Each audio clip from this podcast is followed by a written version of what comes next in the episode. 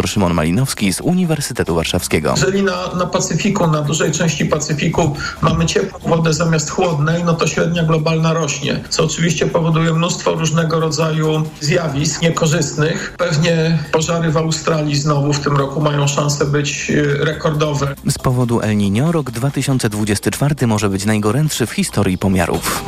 Władze Holandii chcą karać sprawców nekrofilii. Obecnie czynności seksualne ze zwłokami nie są tam przestępstwem. Holenderski kodeks przewiduje kary tylko za uszkodzenie zwłok i naruszanie miejsca spoczynku. O przygotowanie nowych przepisów parlament apelował do rządu jeszcze w styczniu. Gabinet premiera Marka Ruttego poprosił o analizę ośrodek badań i dokumentacji naukowej. Fachowcy doszli do wniosku, że ciało zmarłego ma szczególny status prawny i zasługuje na ochronę. Kolejne wydanie informacji TOK FM o 21. Teraz pora na sport. Informacje sportowe. Szymon Kępka, zapraszam. Trwa walka o Mistrzostwo Polski Koszykarzy. Po tytuł mogą sięgnąć King Szczecin lub Śląsk Wrocław, a wszystko rozstrzygnie się być może już w czwartek. O tym więcej Mateusz Stanicki. Rywalizacja w finale rozgrywek toczy się do czterech zwycięstw. Jak na razie bliżej sięgnięcia po tytuł Mistrza Polski jest King Szczecin, który prowadzi 3 do 2. Koszykarze z Dolnego Śląska jednak nie odpuszczają i zdołali odrobić straty po trzech pierwszych porażkach, tak jak wczoraj, gdy pokonali rywala 82 do 70. Kolejny mecz zagrają jednak na wyjeździe i to nie będzie dla nich łatwe spotkanie, zapowiada rozgrywający Kinga Andrzej Mazurczak. No, trzeba wygrać jeden mecz, żeby zakończyć serię. Wracamy do Szczecina, czujemy się dobrze, wiemy, że będzie pełna hala, kibice nam pomogą, a wszyscy będą gotowi na ten mecz. Już nie możemy się doczekać. Najbliższy mecz w czwartek w Szczecinie. Dotychczas jeszcze żadna drużyna w historii polskiej koszykówki nie wygrała finałów, przegrywając pierwsze trzy spotkania. Mateusz Stanicki, TOK FM. A przed polskimi siatkarkami kolejne mecze Ligi Narodów. W Hongkongu rozegrają łącznie cztery spotkania. Polki wygrały dziś z Dominikaną 3 do 1 i notują piąte z rzędu zwycięstwo w Lidze Narodów. Przed sobą mają spotkanie z Turcją. Łatwo nie będzie z powodu m.in. klimatu południowej Azji, mówi nasza środkowa Joanna Pacak. Jest inna strefa czasowa. Musimy się do niej dostosować. Jeśli chodzi o klimat, ym, bardzo parno, bardzo duszno. Polki zagrają z Turcją w czwartek. Lionel Messi zapowiedział, że nie zagra w kolejnych piłkarskich mistrzostwach świata.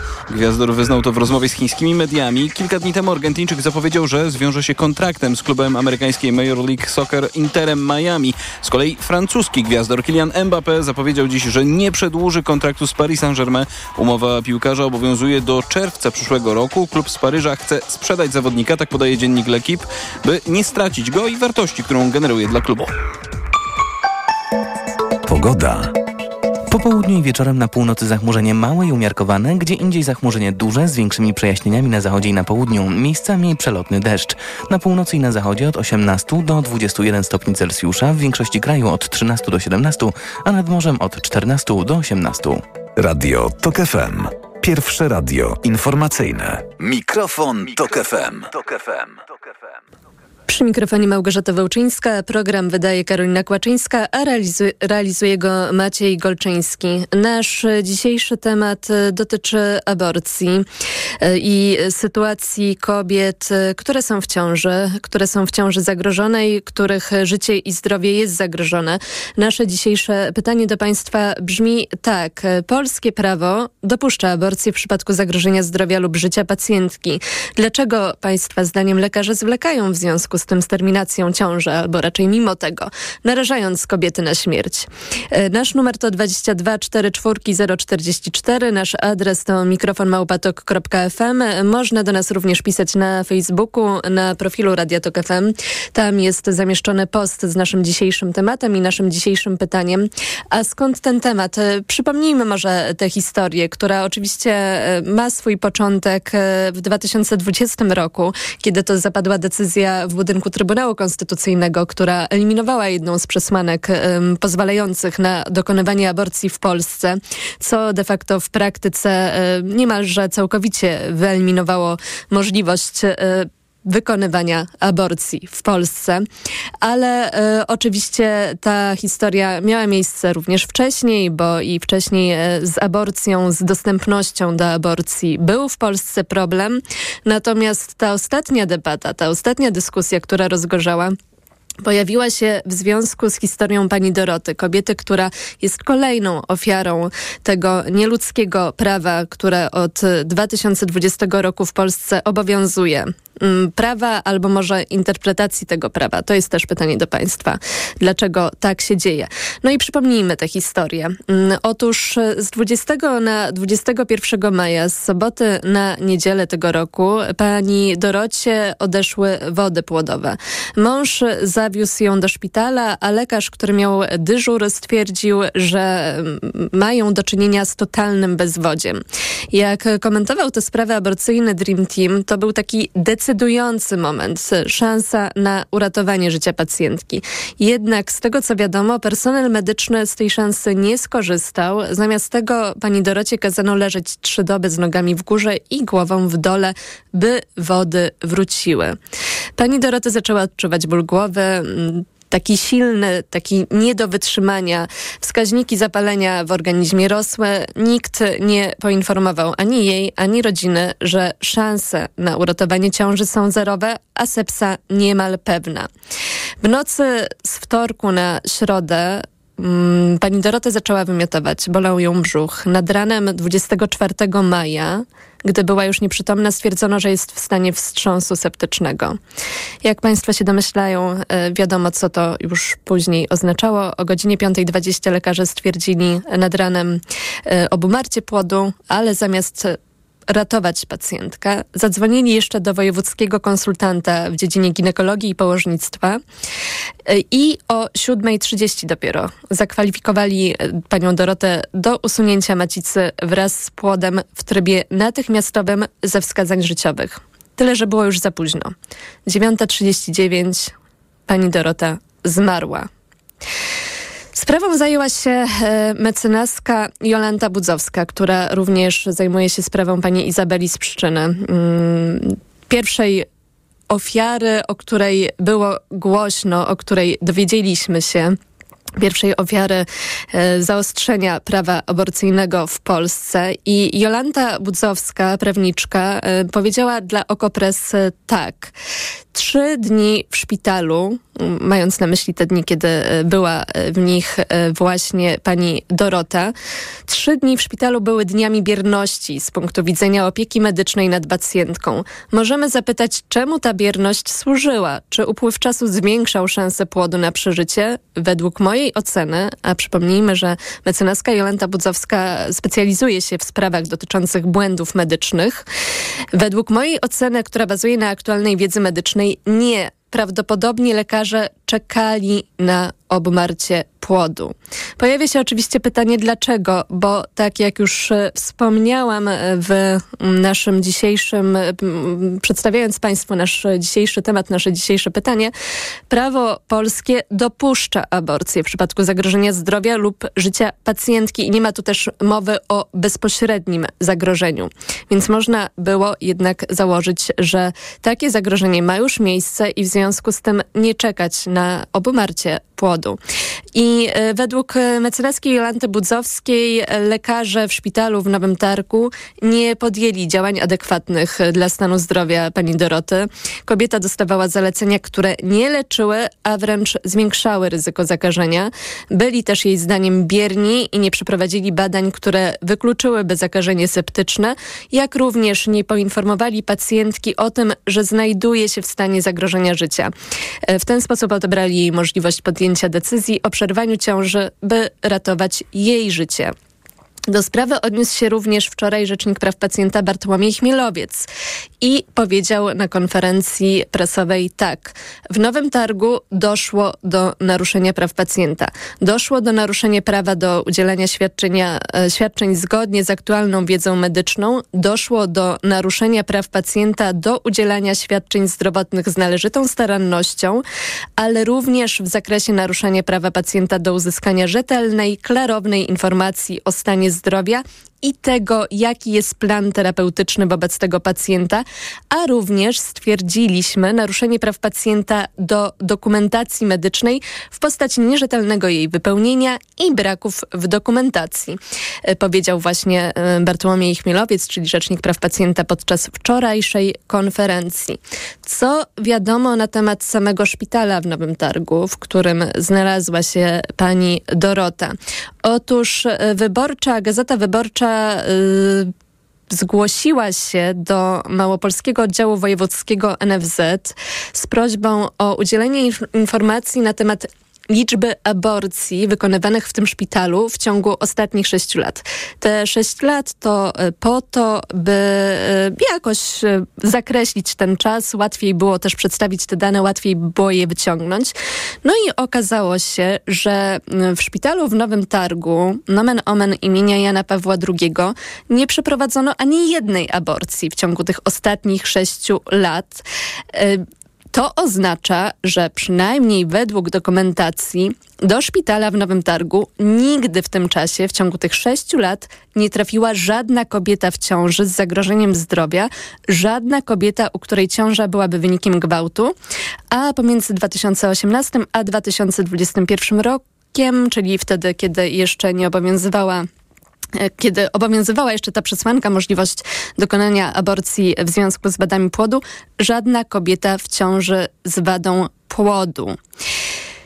E, chciałam teraz Państwu zaprezentować fragment e, rozmowy, którą przeprowadziłam z Melanią Ryś, lekarką rezydentką ginekologii i położnictwa w Gerlitz, aktywistką aborcyjną współpracującą z aborcyjnym Dream Teamem, która przedstawia się również jako feministka, antyfaszystka i współtwórczyni profilu lekarki ProAbo. Ta rozmowa odbyła się w piątek, jest do odsłuchania w naszym systemie podcastowym i Melania Ryś opowiadała o tym, jak lekarze w Polsce są przygotowywani do tego, by przeprowadzać również zabiegi e, aborcyjne. Te zresztą, jeżeli chodzi o specjalizację dotyczącą ginekologii i położnictwa, są najprostsze. Melania Ryś obecnie e, pracuje w Niemczech i tam przeprowadza te zabiegi, ponieważ jest młodą, stażem lekarką, więc zaczęła od tego. Natomiast jak to wygląda w Polsce? Jak e,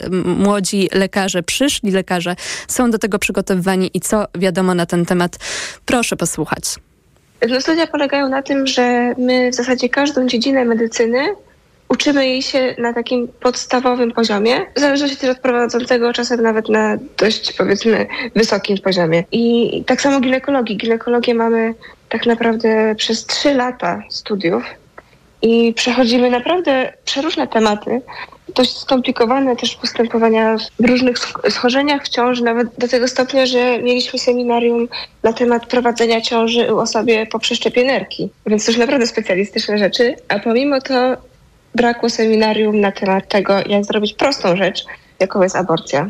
Myślę, że wynika to tego, że ta aborcja jest tabu tak naprawdę w polskiej medycynie, że no, ustawa, którą mieliśmy wcześniej, która znaczy dalej mamy tylko z, y, obciętą, była bardzo restrykcyjna i ograniczała praktycznie do minimum no, ilość wykonywanych aborcji. Bo tam podając zagłosem to było niewiele ponad tysiąc aborcji rocznie. Wiele szpitali, wiele oddziałów ginekologicznych w ogóle, w ogóle jej nie robiły. Odpowiadając jeszcze na Pani pytanie, czy to, tak, czy to się nie pojawia w takim razie później w trakcie szkolenia specjalizacyjnego z ginekologii, to odpowiedź brzmi niekoniecznie a raczej bym powiedziała, że raczej nie. Ja w szpitalu, w którym pracowałam, w którym robiłam e, staż dyplomowy, to jeden z lekarzy, będący już specjalistą ginekologii, e, tam usłyszawszy, że ja się zajmuję aktywizmem aborcyjnym, to, to się mnie pytał, jak działają te leki aborcyjne. Jak to możliwe, skoro jednak mimo wszystko nadal aborcja, przynajmniej w teorii, jest dopuszczalna w określonych przypadkach? Wcześniej, przed decyzją, która zapadła w budynku Trybunału Konstytucyjnego, była dopuszczalna przy tym założeniu, że płód ma wady i wtedy można było jej dokonać. Czy do tego dochodziło, to jest oczywiście inna kwestia. No ale jednak mimo wszystko jacyś lekarze aborcję w Polsce przeprowadzali i przeprowadzali ją również w czasach PRL-u, gdy była po prostu dopuszczalna. Więc jak to możliwe, że tej wiedzy w ogóle nie ma i nikt się nią nie dzieli? To jest, y, tak uważamy w środowisku aktywistycznym, jest po prostu wynikiem stygmy aborcyjnej tak zwanej. Czyli tego, że, że aborcja jest uznawana za ten kontrowersyjny temat, za ten trudny wybór, trudną decyzję, e, wszelkie przeróżne tego typu zmiękczenia, żeby nie powiedzieć tego strasznego słowa aborcja, są po prostu odmieniane przez wszystkie przypadki. I to, to się też przekłada na medycynę, że, że jak mówi się o aborcji, to jakoś szeptem, czy, czy w ogóle się nie mówi. A jak już, to właśnie tylko w takich ciężkich przypadkach, jak, jak właśnie ciężkie uszkodzenie płodu czy zagrożenie życia pacjentki. Co właśnie ciekawe, ustawa mówi o zdrowiu i życiu pacjentki, natomiast jak po, pokazuje życie i też przykłady w głośnych mediach śmierci pacjentek w ciąży, yy, że czeka się tak naprawdę do zagrożenia życia, pomimo że zagrożenie zdrowia już od dłuższego czasu występuje. Jest jakiś po prostu taki nieuzasadniony strach przed tą aborcją. A jak to się przekłada potem na pracę lekarzy? Bo zaczęłam się teraz zastanawiać, czy w takim razie, jeżeli pacjentka, kobieta, która jest w ciąży z powikłaniami, z prawdopodobieństwem, że płód e, za chwilę będzie martwy, a jej życie już teraz jest zagrożone.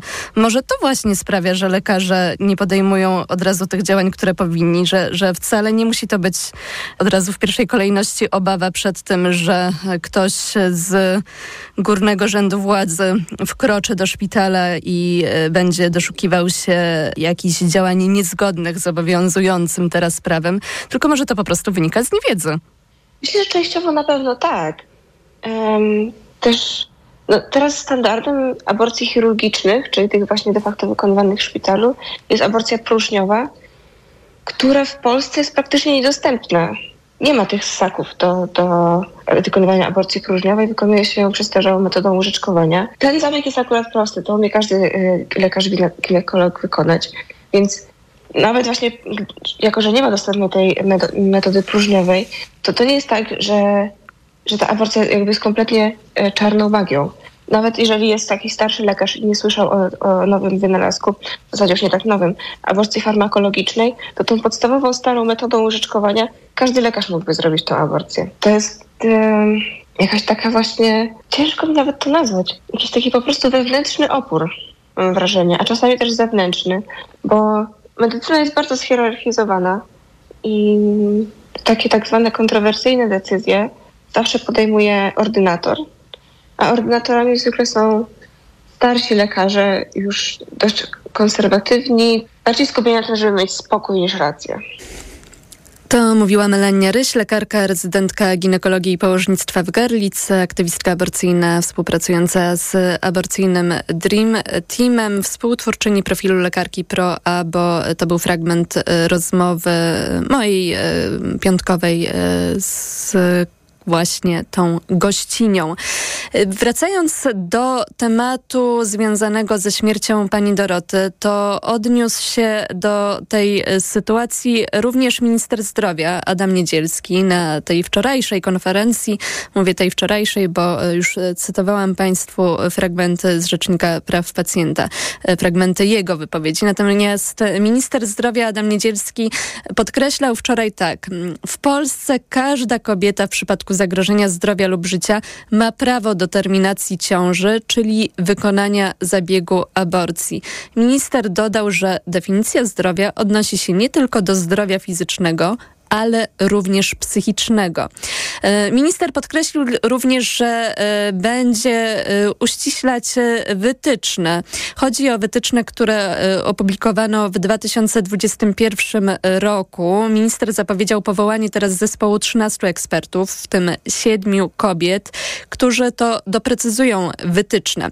Wytyczne można, te, które mm, poprosił o nie minister Niedzielski, konsultanta krajowego w dziedzinie położnictwa i ginekologii po śmierci e, pani Izabeli z Pszczyny, czyli właśnie tej pierwszej ofiary, tej pierwszej e, przynajmniej, o której wiadomo było w tamtym czasie, ofiary zaostrzenia prawa aborcyjnego w Polsce. I te wytyczne z 2021 roku można znaleźć. Może nie jest to jakoś bardzo łatwe, no ale jednak widnieją one na stronie ministerstwa.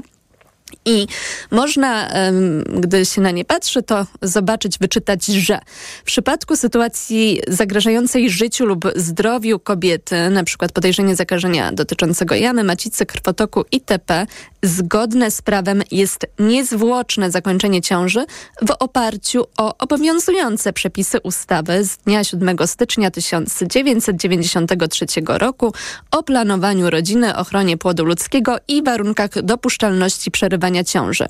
I e, w ramach tych wytycznych e, pojawia się również taka informacja, że ustawa ta wprost wskazuje na przesłankę zagrożenia życia lub zdrowia matki. Trzeba podkreślić, że są to przesłanki rozłączne. Wystąpienie tylko jednej z nich jest wystarczającą prawną przesłanką do podjęcia reakcji przez lekarza.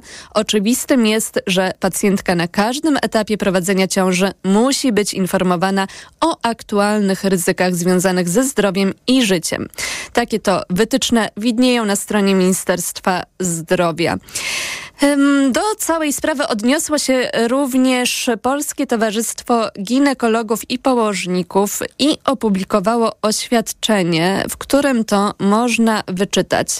W ostatnim czasie lekarze, położnicy, ginekolodzy mierzą się z problemami wynikającymi z rozwiązań systemowych, które mogą oddziaływać zarówno w sferze psychologicznej, jak i prawnej na podejmowane decyzje i procesy lecznicze presja, którą odczuwa nasze środowisko, mm, można przeczytać dalej w oświadczeniu Polskiego Towarzystwa Ginekologów i Położników, presja, którą odczuwa nasze środowisko specjalistyczne jest bardzo wysoka, tym bardziej ferowanie przedwczesnych wyroków, a także emocjonalna dyskusja czy wręcz nagonka medialna mogą okazać się fatalne i niebezpieczne dla obu partnerów, zarówno lekarza, jak i kobiet pacjentek. Tutaj chciałam tylko Państwu jednak przypomnieć stanowisko Rzecznika Praw Pacjenta, który odniósł się do sprawy pani Doroty i który wskazał e, zaniedbania, do których doszło w szpitalu w Nowym Targu. A teraz... E, chciałam e, Państwa zaprosić do wysłuchania kolejnego fragmentu z rozmowy, która odbyła się wczoraj u Agaty Szczęśniak w TOK FM. Jej gościnią była lekarka Gizela Jegielska specjalistka położnictwa i ginekologii oraz medycyny matczyno-płodowej z Powiatowego Zespołu Szpitali w Oleśnicy. I e, Gizela Gielska mówiła o stanowisku właśnie lekarzy ginekologów e, dotyczącym przepisów e, o przerywaniu ciąży w Polsce i o tym, jak sama pracuje w tej rzeczywistości prawnej, która teraz obecnie obowiązuje po decyzji, która zapadła w budynku Trybunału Konstytucyjnego. A czy może nam Pani powiedzieć, e, jakie są stanowiska w tej dyskusji? Jak, jak...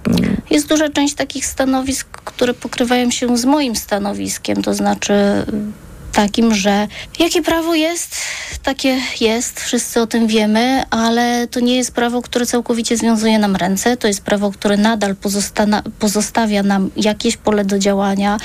Y, to jest prawo, zgodnie z którym legalnie możemy przerwać ciążę. To jest prawo, które nie zabrania nam przerywania ciąży w momencie zagrożenia zdrowia czy życia kobiety. To jest prawo, które nie wymaga od nas udowodnienia, że to zagrożenie jest bezpośrednie na przykład, co też jest gdzieś tam podnoszone cały czas Także mhm. mimo to tego, słowo że... bezpośrednio no, nie pada w, w nie, nie pada w ustawie. Nie, nie, nie, nie, oczywiście, że nie pada.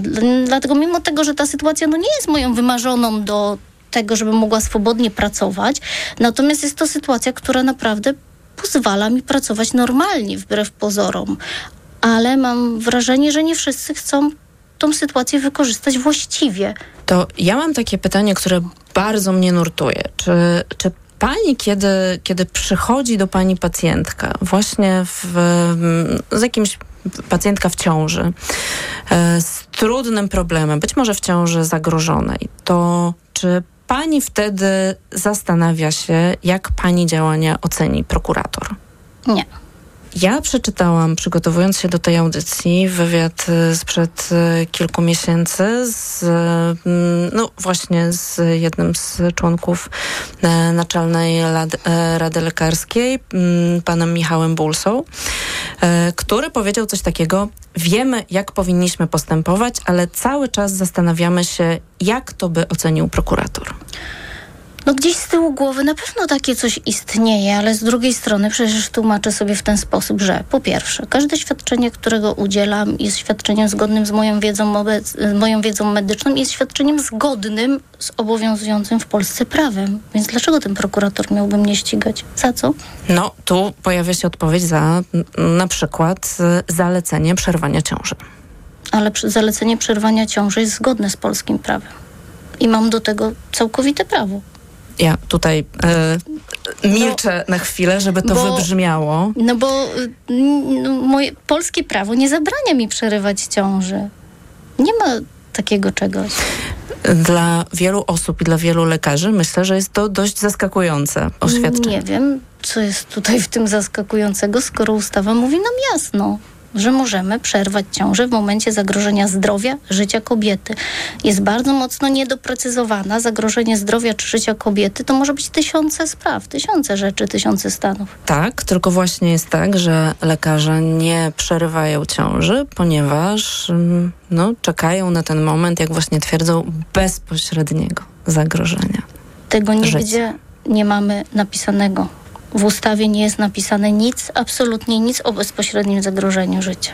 Czyli mm, przerywanie ciąży nie jest zakazane? Nie, nie jest. Mhm. E, pani przerywa ciążę? Tak. No dobrze, to mm, myślę, że, że dla wielu osób e, są to e, zaskakujące oświadczenia, ponieważ no, w tej całej mm, sprawie, tragicznej sprawie pani Doroty, przecież między innymi o to chodziło, że tak przynajmniej twierdzą, twierdzi prawniczka rodziny, ale też e, no, możemy tak wnioskować z, z, zachowania lekarzy, e, że wyczekiwali do takiego momentu i wiemy to też z wielu innych historii, które zdarzyły się w ostatnich miesiącach, że lekarze wyczekują do tego ostatniego momentu, kiedy mogą stwierdzić bezpośrednie zagrożenie życia. Jeżeli e, to, co jest w mediach e, powiedziane, napisane, e, jest prawdą, tutaj w tym przypadku, no to dla mnie to jest no, niewyobrażalne, jeżeli rzeczywiście tak było. Dlatego, że polskie prawo nie zabrania nam przerwania ciąży. Ja sobie nie wyobrażam takiej sytuacji u mnie w oddziale.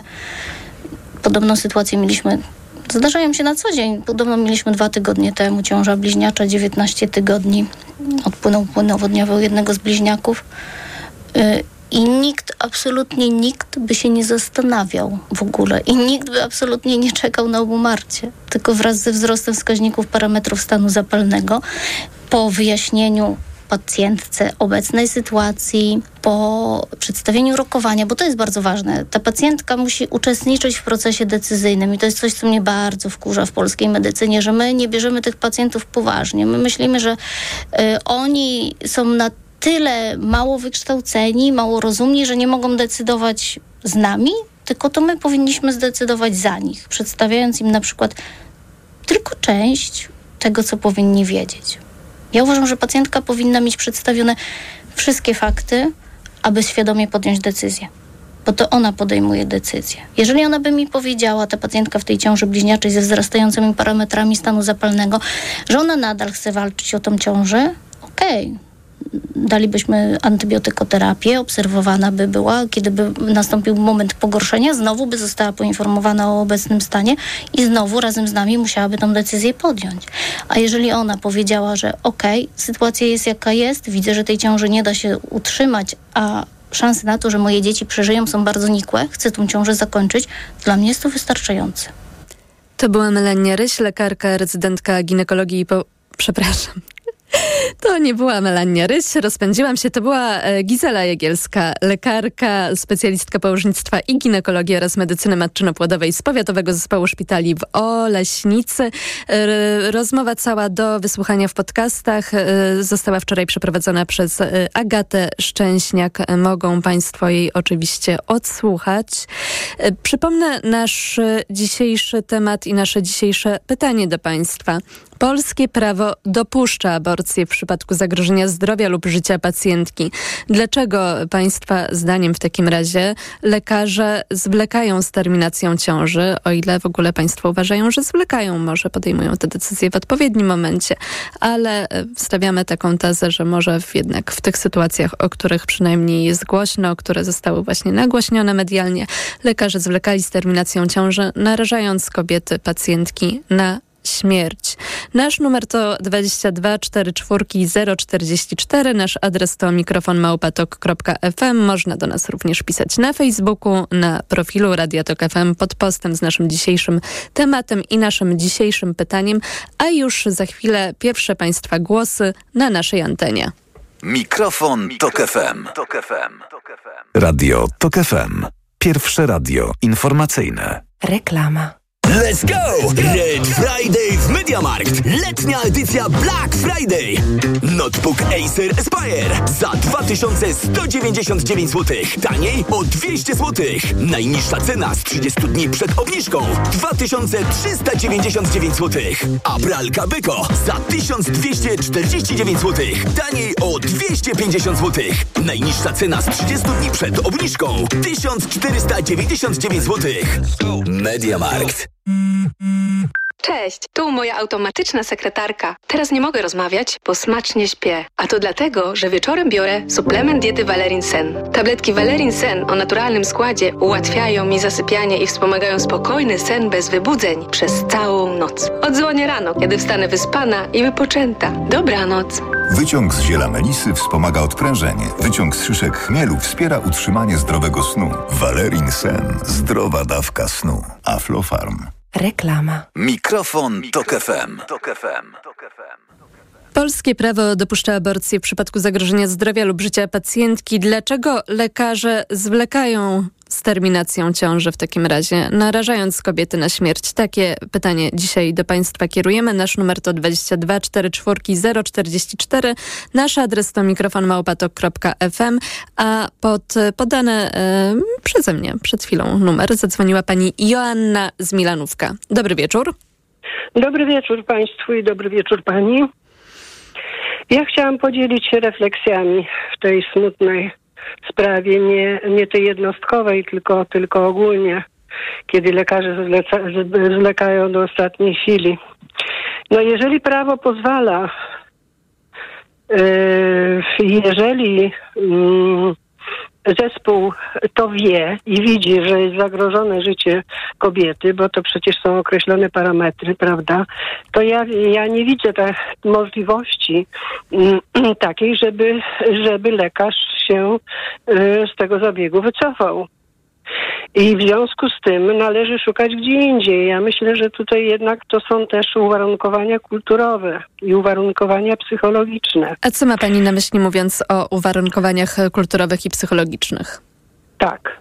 Od, y, od wieków prawie, że no ale, ale już od stulecia na pewno na medycynę szły dzieci przede wszystkim y, rodziców y, z miast i miasteczek Potem już po y, II wojnie światowej y, również często dzieci y, ze środowisk wiejskich.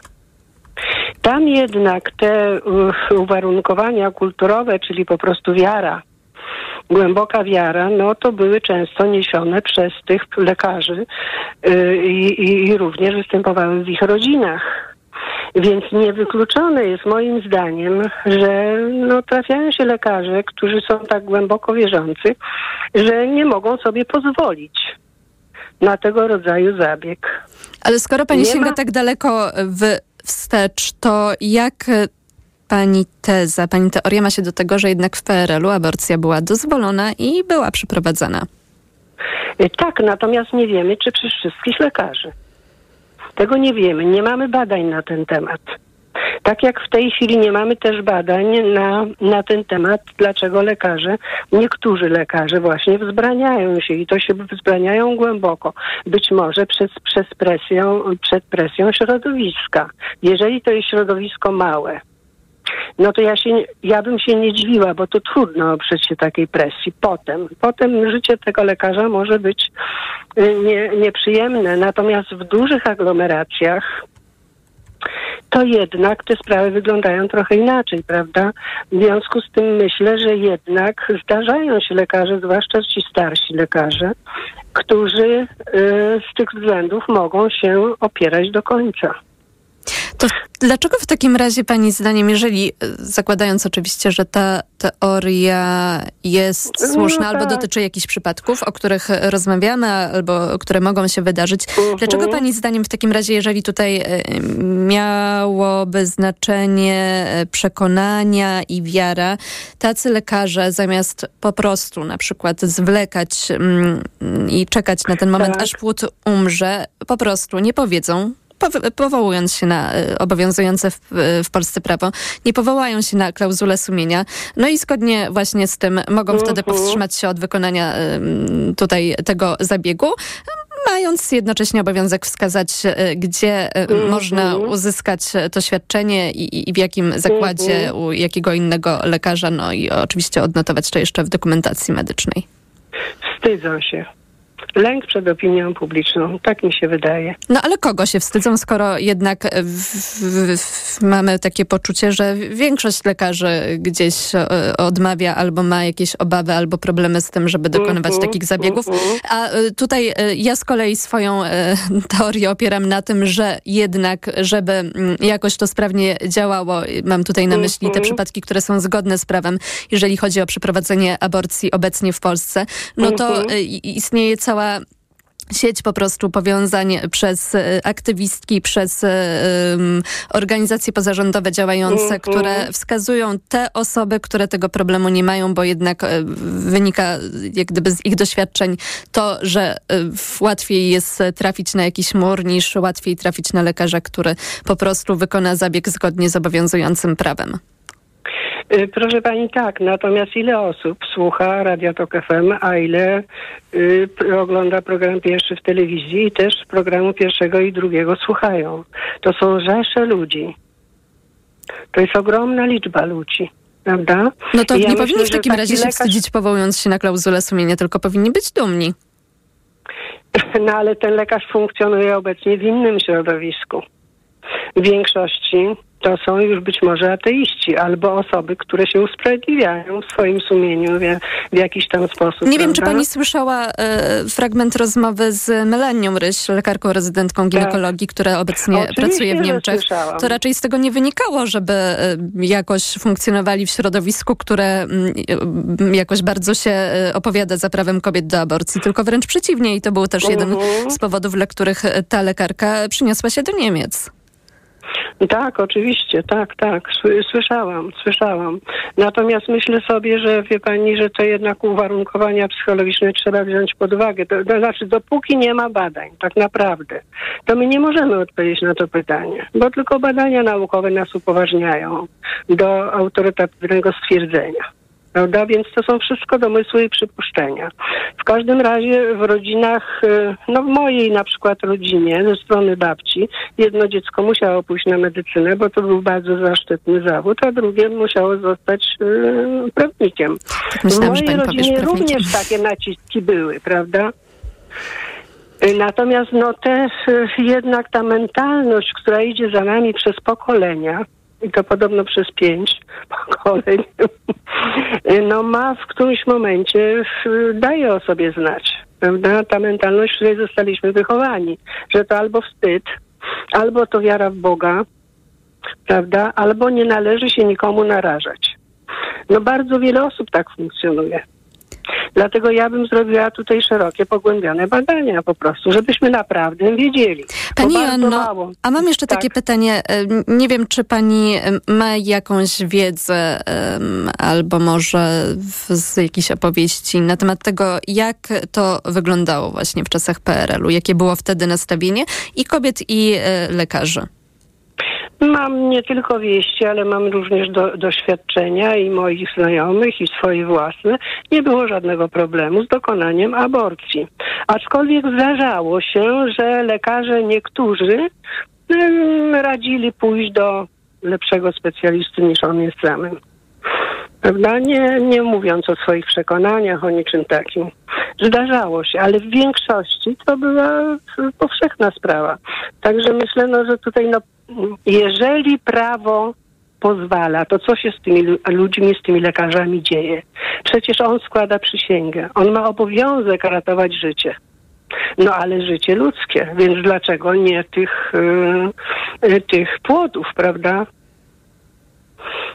Na przykład. No jest to, to jest problem bardzo skomplikowany. Ja myślę, że właśnie bez, bez, bez jakiegoś podkładu takiego rzetelnego, naukowego, to, to na naszym terenie, w naszej Polsce się tego nie rozwiąże. Pani Anno, dajmy szansę innym słuchaczom, ale bardzo dziękujemy, Oczywiście. że Pani do nas zadzwoniła, chociaż cały czas jakoś wydaje mi się to nie, niezwykle ciekawe, o czym Pani mówi, że z jednej strony mm, to gdzieś kwestie może kulturowe i psychologiczne, jeżeli chodzi o e, teraźniejsze zachowanie lekarzy, a, a że jednocześnie jednak w PRL-u e, lekarze w większości, zdecydowanej większości, nie mieli problemu z tym, żeby dokonywać e, zabiegu aborcji. Była z nami Pani Joanna z Milanówka. My dzisiaj pytamy Państwa o to, dlaczego lekarze lekarze zwlekają z terminacją ciąży, narażając kobietę na śmierć. E, tutaj mamy na myśli takie przypadki jak choćby historia pani Doroty, ale nie tylko pani Doroty, która była w szpitalu w Nowym Targu, a przypomnijmy, polskie prawo dopuszcza aborcję w przypadku zagrożenia zdrowia lub życia pacjentki. Zdrowia lub życia. 22 44 044 to jest nasz numer telefonu i pod ten numer zadzwonił pan Ryszard z Warszawy. Dobry wieczór. Dobry wieczór. Chciałem y, bardzo, ba, bardzo się zachwyciłem wypo, wypowiedzią pani z, z Oleśnicy, pani doktor, która ma ogromną wiedzę i, i wiedzę i zawodową, i, i, psychologiczną, i współpracę z pacjentem. Sam jestem też pracownikiem służby zdrowia. Nie jestem lekarzem, tylko masażystą niewidomym ale współpracuję z, z, z ludźmi, bo bez tej współpracy nie ma, nie ma dobrych efektów. I to, co ta pani doktor y, przekazywała... To ja tylko przypomnę, uczyć... to y, pani Gizela Jagielska, specjalistka tak, położnictwa i ginekologii oraz medycyny medczyno-płodowej z Powiatowego Zespołu Szpitali w Oleśnicy, która opowiadała wczoraj u Agaty Szczęśniak o tym, że polskie Też prawo pozwala na aborcję i że ona takich aborcji y, zgodnie z tymi dwoma pozostałymi przesłankami, które w polskim prawie obowiązują, dokonuje. Dla mnie jest to znakomitość e, zawodowa i tacy ludzie, gdyby prowadzili e, służbę zdrowia, byłoby dużo mniej problemów.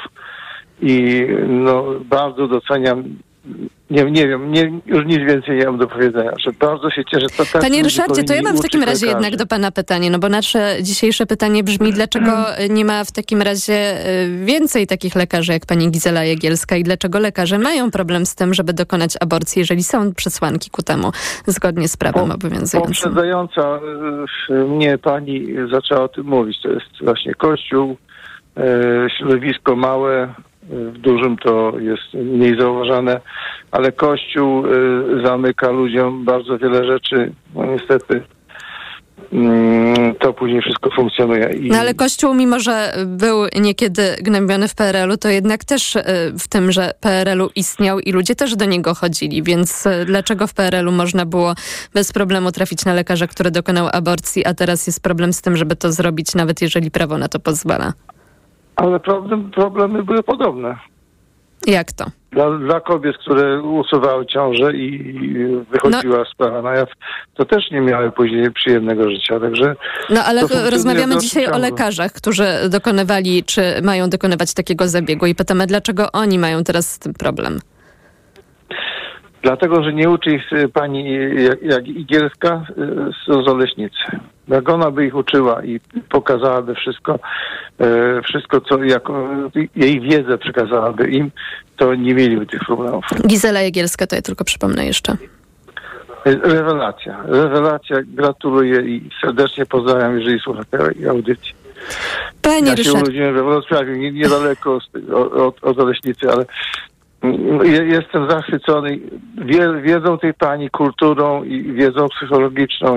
No, zachwycony jest. Panie Ryszardzie, bardzo panu dziękujemy za pana głos, za pana komentarz i za pana w sumie takie odniesienie się do e, wypowiedzi pani Gizeli Jagielskiej i takie życzenie dla e, naszego społeczeństwa, żeby więcej takich lekarek jak e, ona było. Nasz numer to 22 44 044 i pod ten numer zadzwoniła teraz pani Ewa z Rzeszowa. Dobry wieczór.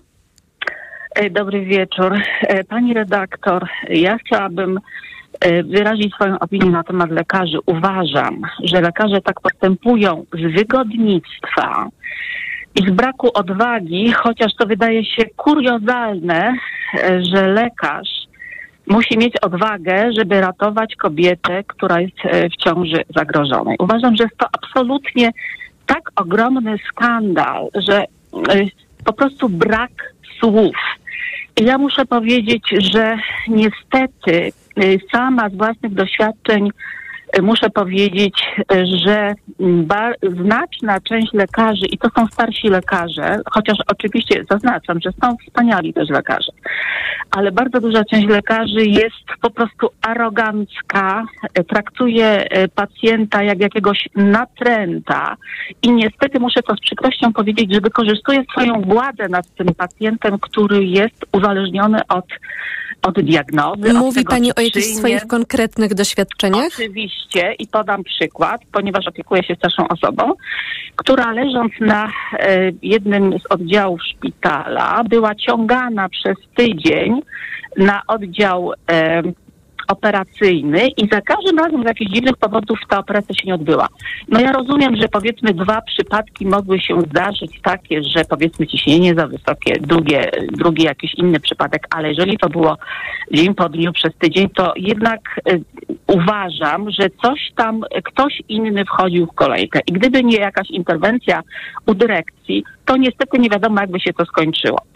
E, Poza tym, e, no muszę też powiedzieć, że przypadki, przypadek inny z lekarzem, który tak bezczelnie się zachowywał w stosunku e, do jakichkolwiek pytań zadawanych podczas wizyty właśnie z tą starszą osobą, że po prostu ja nie wiem, czy nie powinna być jakaś etyka, jakaś kultura jako obowiązkowy przedmiot na studiach medycznych, chociaż to wydaje się po prostu jakieś kuriozalne patrząc z dzisiejszego punktu widzenia. Natomiast uważam, że e, bardzo e, wiele do życzenia w tej chwili e, ma sposób traktowania e, lekarzy, e, przez lekarzy pacjenta. Jak Pani Ja myśli, z czego to wynika?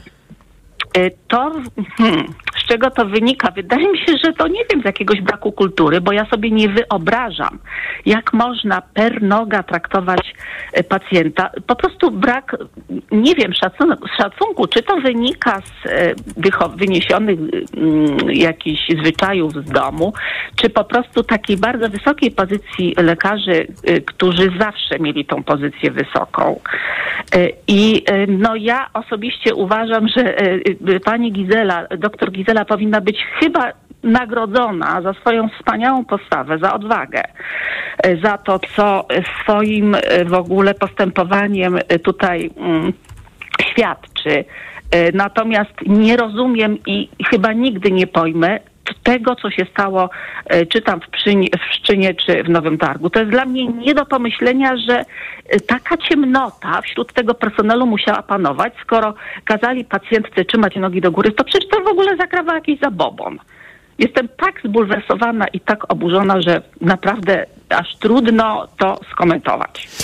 Pani Ewo, a ja mam takie pytanie, bo y, Polskie Towarzystwo Ginekologów i Położników y, w tym oświadczeniu, które już przytaczałam, y, opublikowanym, podkreśla, że odczuwa presję i tutaj może przytoczę jeszcze fragment i, jeszcze raz. Presja, którą odczuwa nasze środowisko specjalistyczne jest bardzo wysoka, tym bardziej ferowanie przedwczesnych wyroków, a także emocjonalna dyskusja czy wręcz nagonka medialna mogą się okazać fatalne mm, i niebezpieczne zarówno dla lekarzy, jak i kobiet y, pacjentek. Może to jest tak, y, że po prostu teraz lekarze, biorąc pod uwagę, kto jest e, prokuratorem generalnym, kto jest ministrem sprawiedliwości w Polsce obecnie, biorąc pod uwagę fakt, że Zbigniew Ziobro e, ma e, doświadczenia w mm, ściganiu lekarzy, Tak to bym określiła. Tutaj mam na myśli te, te historie, które, o których e, wiadomo. Może po prostu to gdzieś jednak powoduje ten lęk u lekarzy e, i e, sprawia, że rzeczywiście czują się sparaliżowani i odkąd prawo aborcyjne w Polsce się zaostrzyło, no to obawiają się podejmować decyzje, bo boją się, mimo że tak się do tej pory nie wydarzyło, ale boją się, że zostaną pociągnięci do odpowiedzialności za przeprowadzenie aborcji e, i e, w związku z tym dlatego z tym zwlekają. E, pani redaktor, ja osobiście uważam, że Naczelna Izba Lekarska, jakiekolwiek tam wyższe sfery środowiska lekarskiego powinno wdrożyć jakąś procedurę. Bo ja się w sumie rozumiem młodych lekarzy niedoświadczonych, którzy dopiero wchodzą na drogę zawodową, ale starsi lekarze z jakimś stażem, przecież oni powinni zabrać głos, powinni wdrożyć procedury, powinni opublikować, czy wyznaczyć jakiegoś konsultanta 24 godziny na dobę. Nie wiem, jak, jak to wygląda, jeśli chodzi o szpitale, żeby nie zwlekać. Przecież, przecież tu nie chodzi, żeby nawet nie wiem, kto był ministrem, przecież tu chodzi o życie e, człowieka. I e, przecież e, nawet prokurator czy ta władza mówi, że życie jest najważniejsze. No przecież ta rodzina, jedna, druga, straciła matkę. Przecież jak się czuje ten mąż, jak się czują pozostawione dzieci osierocone, przecież to się w głowie nie mieści. Tu nie można się zasłaniać, że oni się boją. Przecież, przecież lekarz zawsze może udowodnić, że w, tak jak doktor, ja słucham tą rozmowę z doktor Gizelą. Przepraszam, bo nie pamiętam nazwiska, dlatego posługuję się imieniem. Ale przecież jest jakiś wskaźnik. Taki, a taki Jagielska, to ja tylko jeszcze zupełnie. Właśnie. Taki a taki wskaźnik, e, powiedzmy, zakażenia organizmu jest o tej, o tej godzinie. To czego się lekarz boi? Ja nie rozumiem, czego się lekarz może boi. Że ratuje życie, to może nie powinien być lekarzem, skoro się boi ratować życia kobiety w ciąży. Jestem po prostu tak oburzona i uważam, że lekarze zamiast wystosować y, jakich apel czy, czy jakąś procedurę wewnątrz własnego środowiska, to y, le, lekarz wystosowuje, y, czy środowisko lekarskie mówi o nagonce. Ta nagonka nastąpiła za późno. Ta nagonka powinna być już po pierwszej śmierci. A co dopiero ile kobiet wiemy, że zmarło, a ile nie wiemy, ile y, właśnie zostało poszkodowane, pokrzywdzone, czy nawet zmarło, bo przecież to wszystko jest utrzymywane w głębokiej tajemnicy. Pani Ewo, bardzo dziękujemy, że Pani do nas zadzwoniła. Dajmy jeszcze może szansę innym słuchaczom. Była z nami Pani Ewa z Rzeszowa. E, nasz numer to 22 044. Pod ten numer mogą Państwo dzwonić.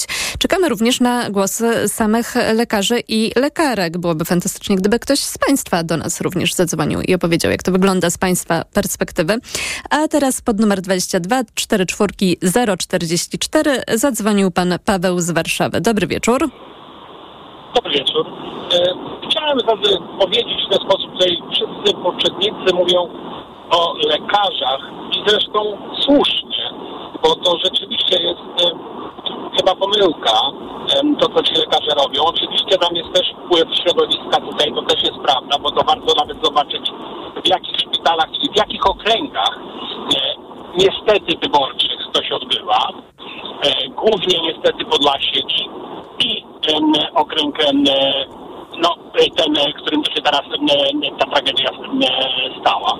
Czyli lekarze rzeczywiście są nieodpowiedzialni, nie wiem, bojaźliwi, bo tak jak tutaj rozmawiamy o pani z Oleśnicy, która moim zdaniem wielki szacunek, ale to nie jest żadna odwaga. Ta pani po prostu robi to, co do tej pani należy.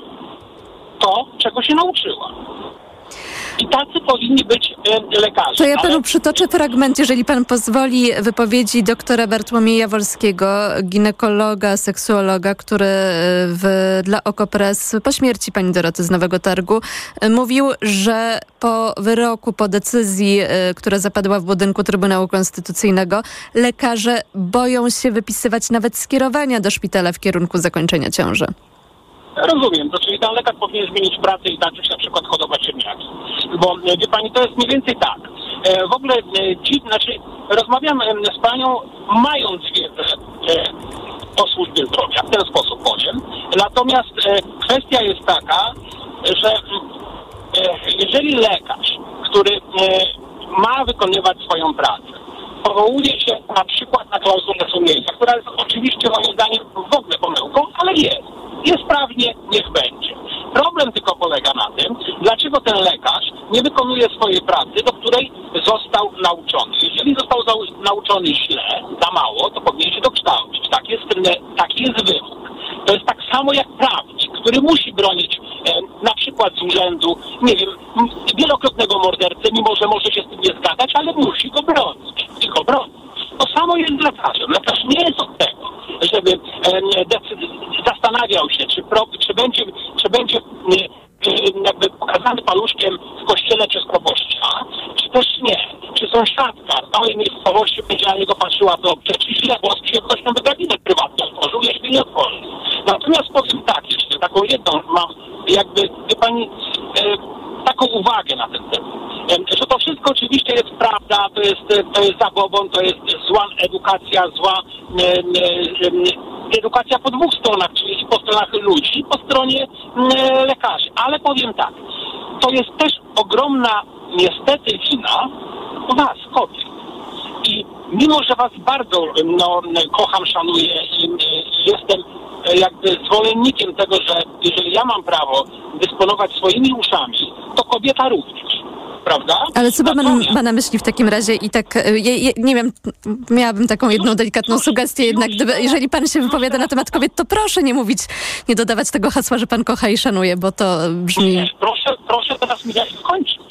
Bo nie- bo geneza tego wszystkiego jest taka, że jest ustawiane jakieś prawo, prawda?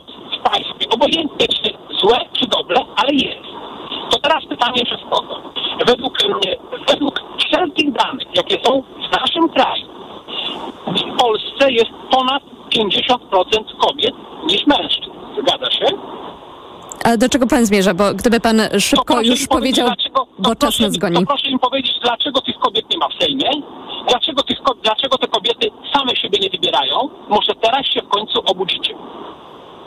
I dlatego teraz jest tak, że, przepraszam najmocniej, zgłuśniały starzec decyduje o tym, co młoda kobieta będzie mogła robić, albo nie, albo nie.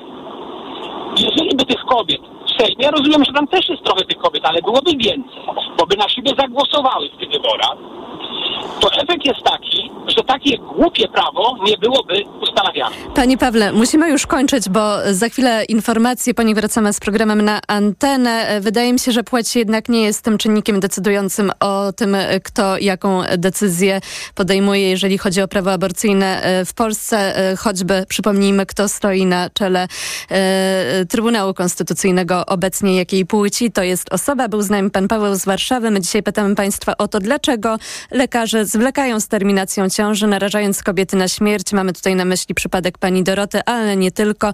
A przypomnijmy, że polskie prawo dopuszcza aborcję w przypadku zagrożenia zdrowia lub życia pacjentki. Nasz numer to 22 44 044. Po informacjach wracamy. Mikrofon, Tok FM. Reklama. Chcesz sięgnąć po lek na problemy z erekcją, żeby konar znów zapłonął? I to na długo? Zastosuj Inventum Max. To tam jest końska dawka substancji, a do tego atrakcyjna cena. Inventum Max. Teraz chcieć znaczy móc. To jest lek. Dla bezpieczeństwa stosuj go zgodnie z ulotką dołączoną do opakowania i tylko wtedy, gdy jest to konieczne. W przypadku wątpliwości skonsultuj się z lekarzem lub farmaceutą. Tabletka zawiera 50 mg sildenafilu, wskazany do stosowania u dorosłych mężczyzn z zaburzeniami erekcji. Przed przyjęciem Inventum Max pacjent powinien upewnić się, czy lek jest przeznaczony dla niego. W tym celu powinien wypełnić test diagnostyczny stanowiący element ulotki Aflofarm. Reklama. Radio Tok FM. Pierwsze radio informacyjne. Wtorek 13 czerwca właśnie minęła 21.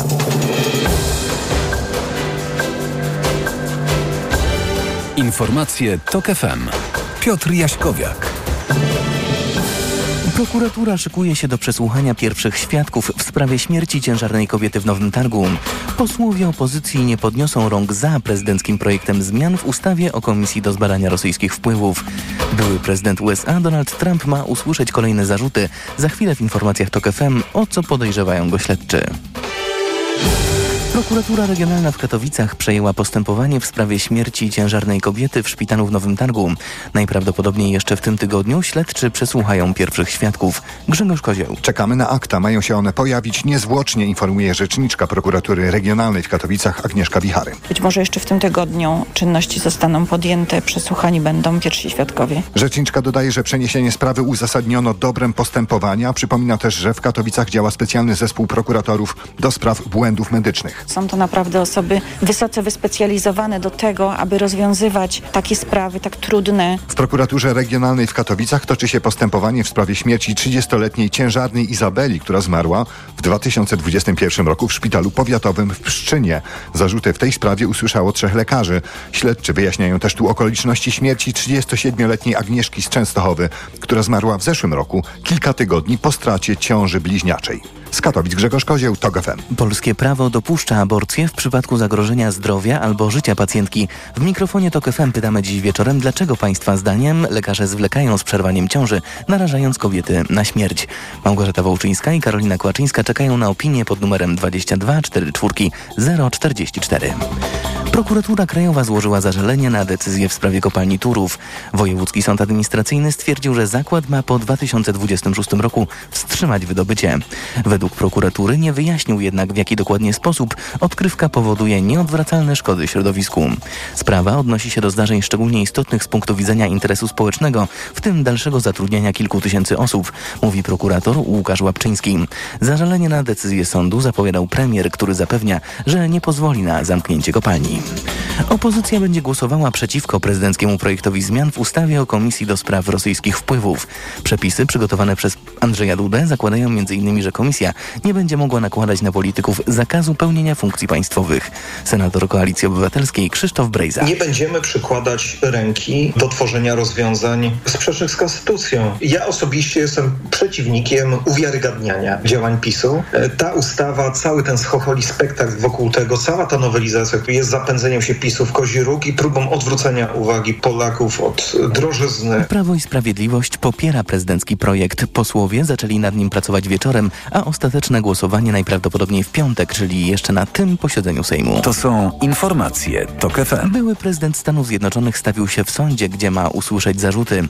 Chodzi m.in. o trzymanie tajnych dokumentów państwowych w prywatnych posiadłościach Donalda Trumpa. Szczegóły zna Franciszek Wajcik. To druga wizyta Trumpa w sądzie w tym roku. Wcześniej usłyszał on ponad 30 zarzutów karnych związanych m.in. z fałszowaniem zapisów finansowych. Tym razem sprawa rozgrywa się przed sądem federalnym i jest dużo poważniejsza. Mówił w TOK FM dr Marcin Fatalski z Uniwersytetu Jagiellońskiego. Sam fakt ujawnienia tych dokumentów jest konsekwencją postępowań toczących się przeciwko Donaldowi Trumpowi i wysłuchania świadków w postaci jego najbliższego otoczenia. Przetrzymywane dokumenty dotyczyły m.in. zdolności zbrojeniowych i obronnych USA, a także zdolności nuklearnych obcego państwa. On nie miał prawa przechowywać ich prywatnie, dlatego że to są dokumenty federalne. One muszą być archiwizowane, przechowywane. Właściwie ta procedura w Białym Domu działa w ten sposób, że one nawet nie powinny być niszczone bez formalnej ścieżki. Rozprawa odbędzie się bez udziału mediów. Po niej Donald Trump ma wygłosić oświadczenie dla prasy. Franciszek Wajdzik, to KFM. Władze Rzeszowa spodziewają się, że miasto stanie się bazą NATO. Według prezydenta Konrada Fiołka świadczą o tym sygnały napływające z firmy logistycznej obsługującej amerykańską armię.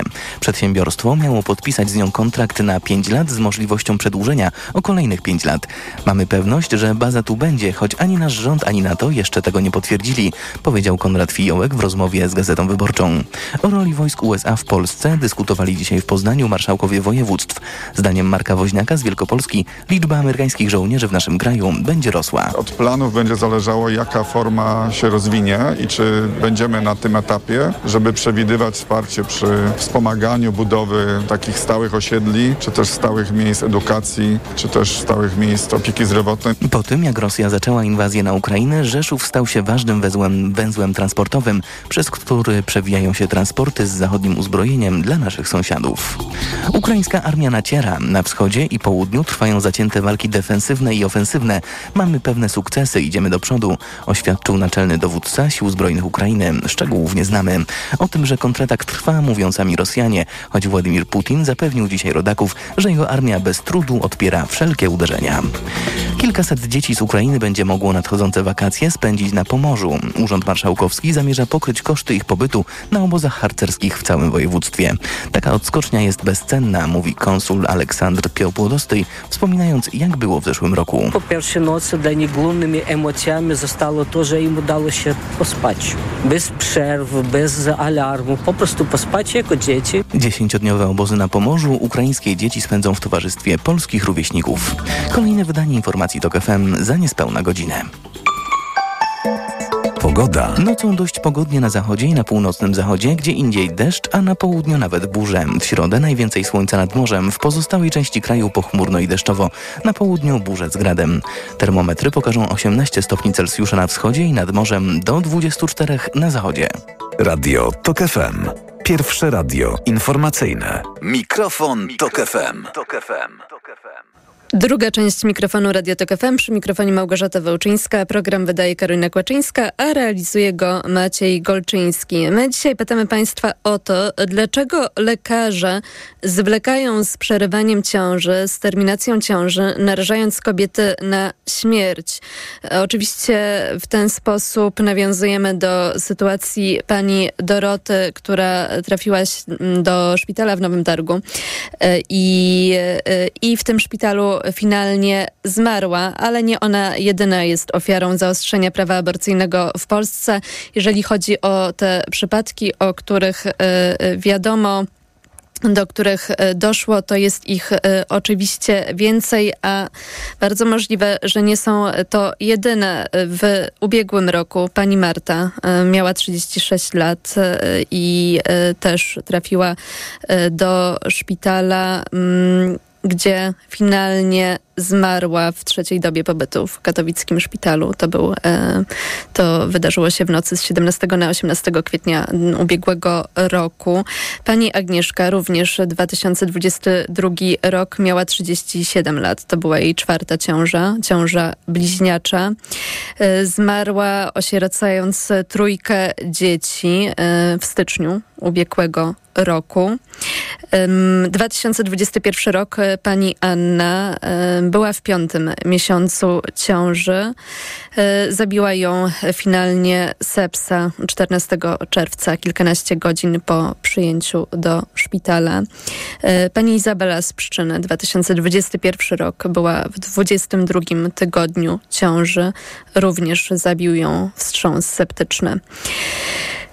Nasze dzisiejsze pytanie dotyczy właśnie tego, dlaczego tak się dzieje, że um, lekarze zwlekają, mimo że z podjęciem decyzji o terminacji ciąży, mimo że polskie prawo dopuszcza aborcję w przypadku zagrożenia życia lub zdrowia pacjentki. Nasz numer to 22 44 044, nasz adres to mikrofon małpatok.fm.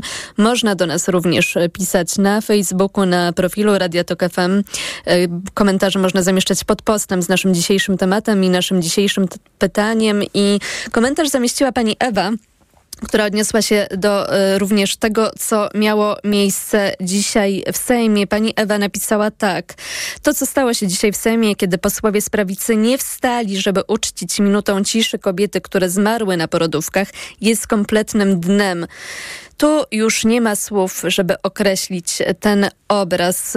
Pani Ewa nawiązuje do dzisiejszego posiedzenia Sejmu, gdzie do porządku obrad włączono informacje w sprawie dostępu do zabiegu przerywania ciąży oraz przestrzegania praw pacjentek w związku właśnie ze śmiercią e, pani Doroty w szpitalu w Nowym Targu. O włączenie mm, tejże informacji prosiła Lewica i tuż po rozpoczęciu obrad Katarzyna Kotula z Lewicy zaapelowała do wszystkich posłów o minutę ciszy za zmarłą Dorotę z Nowego e, Targu. Część e, posłów e, tego nie uszanowała.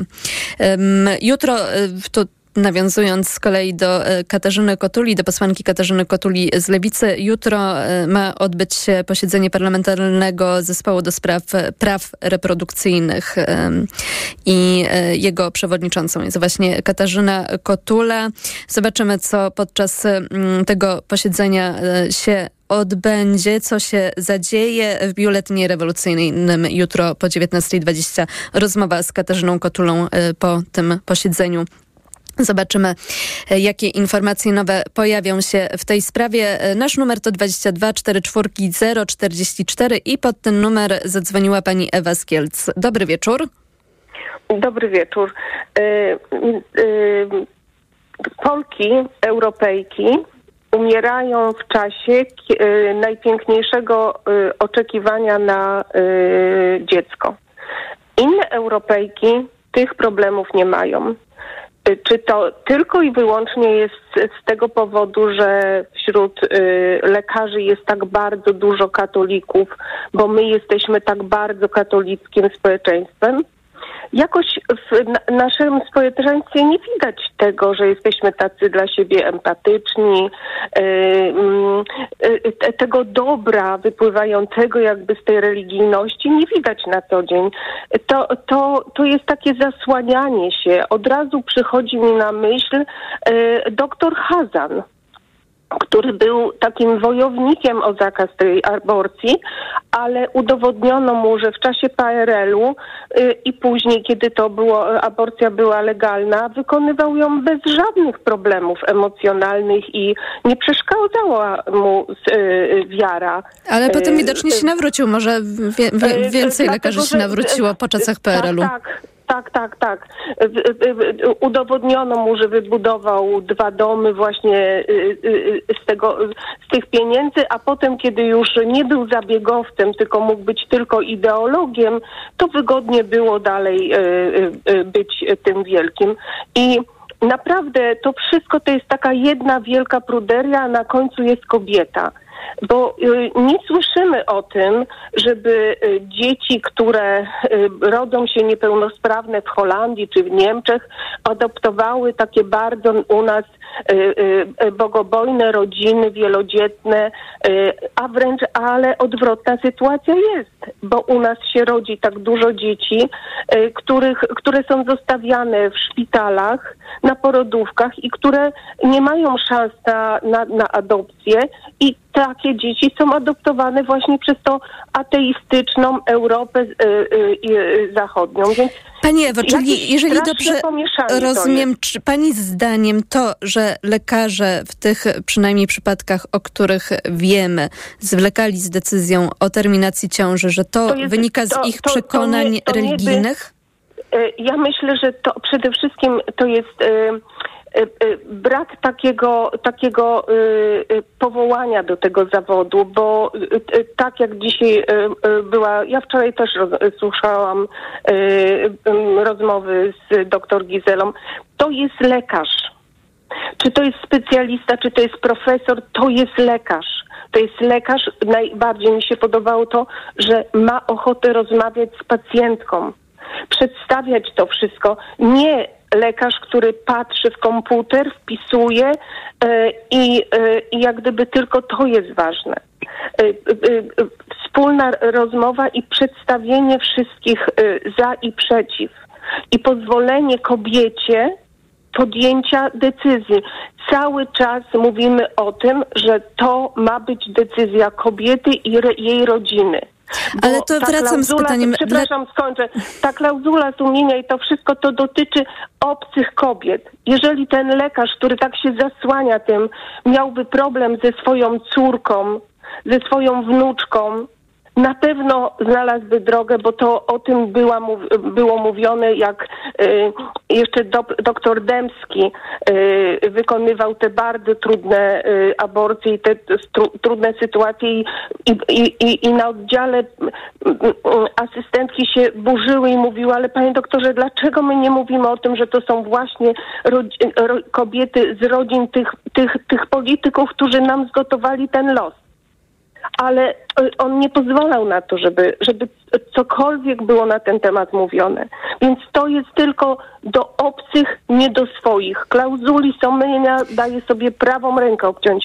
Nie dotyczyłaby wtedy, kiedy by to dotykało bezpośredniej, y, najbliższej y, Pani osoby. Ewo, ale tutaj nie, nie mieliśmy jednak do czynienia z y, klauzulą sumienia. Po prostu decyzja została podjęta nie ale, wtedy, kiedy tak, powinna. I chciałam zapytać, czy może jednak pani poszło. nie uważa, że to jest rzeczywiście kwestia tego, że lekarze po prostu się boją?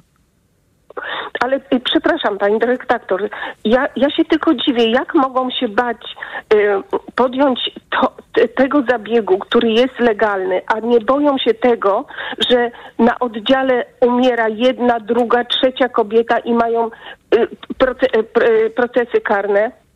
Tego To ja już, nie, nie ja, ja odpowiedzi na to pytanie nie znam. No więc ja, ja bym chciała, żeby y, w medycynie nie było innego strachu niż strach o życie pacjenta i ktoś powiedział, że może myślą głównie o płodzie, a który płód może przeżyć bez kobiety? Na dziecko ma, ko- ma czekać kochająca matka i kochająca rodzina. To jest podstawa szczęścia, nie bogactwo, tylko miłość, która czeka na to dziecko. Jeżeli nie ma, nie ma, nie ma siły na tą miłość, bo na przykład bardzo chore dziecko albo z innych powodów, to naprawdę najwyższa pora powiedzieć, że my, kobiety, jesteśmy Europejkami i to jest od zawsze tak, że niechciana ciąża w gorszy czy w lepszy sposób będzie zakończona. Tylko z wielką szkodą dla życia y, tych kobiet, które potem okazuje się, że nie mogą na przykład z powodu różnych zakażeń i tak dalej, usunięć macicy, nie mają, mogą mieć kolejnych dzieci, na które są być może gotowe. Tak było w przypadku pani Doroty, że miało dojść Właśnie, do usunięcia. Tak. Chociaż I, i że mogła być y, y, y, y, matką y, tego, tego, matką po prostu. Oni się cieszyli, oni chcieli, oni czekali. Pani I po prostu y, to jest straszne, że, że zaczęli politycy, a teraz w to się włączyli lekarze, farmaceuci mają klauzulę sumienia, że nie mogą sprzedawać. No jakiś, jak, jak, jak, jakiś absurd y, y, dotyka naszego społeczeństwa, a jednocześnie naprawdę nie jesteśmy empatycznym, dobrym i y, u nas nie ma wolontariatu, nie ma różnych takich rzeczy, które informują o tym, że jesteśmy wyczuleni na drugą osobę.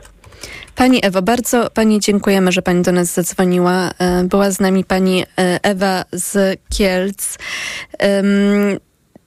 Tak, e, chciałam uporządkować e, kilka rzeczy, albo może przypomnieć bardziej. E, Pierwsza to taka, że żaden lekarz za rządów PiS w Polsce nie został skazany za przerwanie ciąży w szpitalu, natomiast lekarzom z Pszczyny, tym, którzy zajmowali się panią Izabelą z Pszczyny, pierwszą oficjalną ofiarą zaostrzenia prawa aborcyjnego w Polsce, tym lekarzom postawiono zarzuty nieumyślnego spowodowania śmierci. To taka pierwsza rzecz, a druga rzecz, bo jeżeli e, mówimy o tych kobietach, które zmarły w związku z tym, że lekarze zbyt późno e, zdecydowali się na terminację ciąży, że z tym zwlekali, że nie podjęli tej decyzji wtedy, kiedy należało ją podjąć, e, to te kobiety chciały być w ciąży, tak przynajmniej wynikało z deklaracji rodzin. Cieszyły się na, na dziecko, to, które miało się wkrótce pojawić, przyjść na świat. Natomiast jeżeli chodzi o obowiązujące w Polsce prawo, to można również przerwać ciążę ze względu na zdrowie psychiczne. I ja chciałam Państwu przypomnieć, e, taki mikrofon e, odbył się e, jakiś czas temu na antenie Radia Tok FM, gdzie zadzwoniła do nas słuchaczka, która powiedziała, że gdy zaszła w ciążę, to czuła się tak fatalnie, że, że, że myśl o ciąży sprawiała że ona myślała o zakończeniu swojego życia. I to również jest przesłanka do tego, żeby dokonać aborcji, bo to jest zagrożenie dla zdrowia e, czy też życia kobiety, która w tej ciąży jest, a prawo polskie na to zezwala. 22 44 044 to jest nasz numer telefonu i pod ten numer zadzwonił pan Paweł z Wrocławia. Dobry wieczór. Mm, Dobry wieczór. Mm, Ja chciałem się odnieść do tej klauzuli sumienia, e, jeśli można, ale najpierw e, chciałem jakby na wstępie powiedzieć o tej przysiędze Hipokratesa, którą mm, podejrzewam, że dalej lekarze składają, jak zaczynają być lekarzami. Ja tego nie zacytuję mm, z pamięci, bo nie jestem lekarzem, ale tam jest taki zapis, że mm, oni się zobowiązują, czy przysięgają, że chorym będą nieść pomoc bez względu na różnice religijne, rasowe czy narodowościowe, a nawet poglądy polityczne. I tutaj wchodzi moim zdaniem mm, ten fundamentalizm. Myśmy się przyzwyczaili, że fundamentaliści to są tylko islamscy, ale są i katolicy fundamentaliści. I nawet jeśli lekarz ma przesłanki do terminacji ciąży, i nie powinien się teoretycznie obawiać tego, mm, ponieważ i tak w przypadku dochodzenia jakiś sąd koleżeński lekarski też się składa z lekarzy, więc oni oceniają no, parametry życiowe w danym momencie, tak, fakty, mm, wyniki badań i, i cały ten stan. No, medycyna jest nauką ścisłą. Tutaj nie ma e, jakby pola na e, niedointerpretowanie, tak? Wyniki są jasne. E, ale mimo tego nie przerywają tej ciąży, może się boją tych mm, właśnie fundamentalistów w tych, w tych sądach lekarskich. No, taki lekarz, który ma odebrane choćby na jakiś czas prawo wykonywania zawodu, no raczej ma ciężko, żeby iść do innej pracy, no bo poświęcił wiele lat e, nauki, stresu, potu, łez żeby ten zawód wykonywać. A I pan ma jakieś się, doświadczenie w tej materii, czy bardziej pan tak stawia nie, taką nie mam, tezę? Bo... mhm. ale obserwuję to, co się dzieje. Jestem Polakiem, jestem ojcem yy, i nie wyobrażam sobie, gdybym był w sytuacji, gdyby no, jakby moja partnerka yy, miała ciążę zagrożoną i nikt nie chciałby jej yy, przerwać, bo baliby się fundamentalistów, nie wiem, z Sejmu, czy z tych komisji lekarskich, czy prokuratury. Mm, ale możemy analogię pewną jakby tutaj przytoczyć. A propos klauzuli sumienia. Ja rozumiem, że każdy ma jakieś sumienie. Jedni mają ważliwsze, a drudzy mają twardsze, ale moim zdaniem nie ma czegoś takiego jak klauzula sumienia. Sumienie to on sobie może prezentować w swoim domu, bo jeżeli by każdy z nas prezentował swoje y, sumienie, miał tak zwaną klauzulę, w życiu codziennym, no to, to fun nie funkcjonowałoby społeczeństwo. W czym jest lekarz lepszy yy, jako człowiek, tak, od innych zawodów? No ale no, z jakiegoś no, powodu jednak obowiązuje w Polsce i nie tylko w Polsce. Nie, ona, no bo to jest wymysł. Sobie wyobrazić, że, strażak, yy, że strażacy mają klauzulę sumienia. Jadą do pożaru i okazuje się, że pali się dom publiczny. I co, on nie gasi, bo to jest wbrew jego poglądom? No nie, bo klauzula sumienia to już jak mamy w tak abstrakcyjne, w abstrakcyjnym kierunku iść, klauzula sumienia nie ma zastosowania zastosowania w odniesieniu do sytuacji bezpośredniego zagrożenia życia, więc to jednak by nie wchodziło w grę.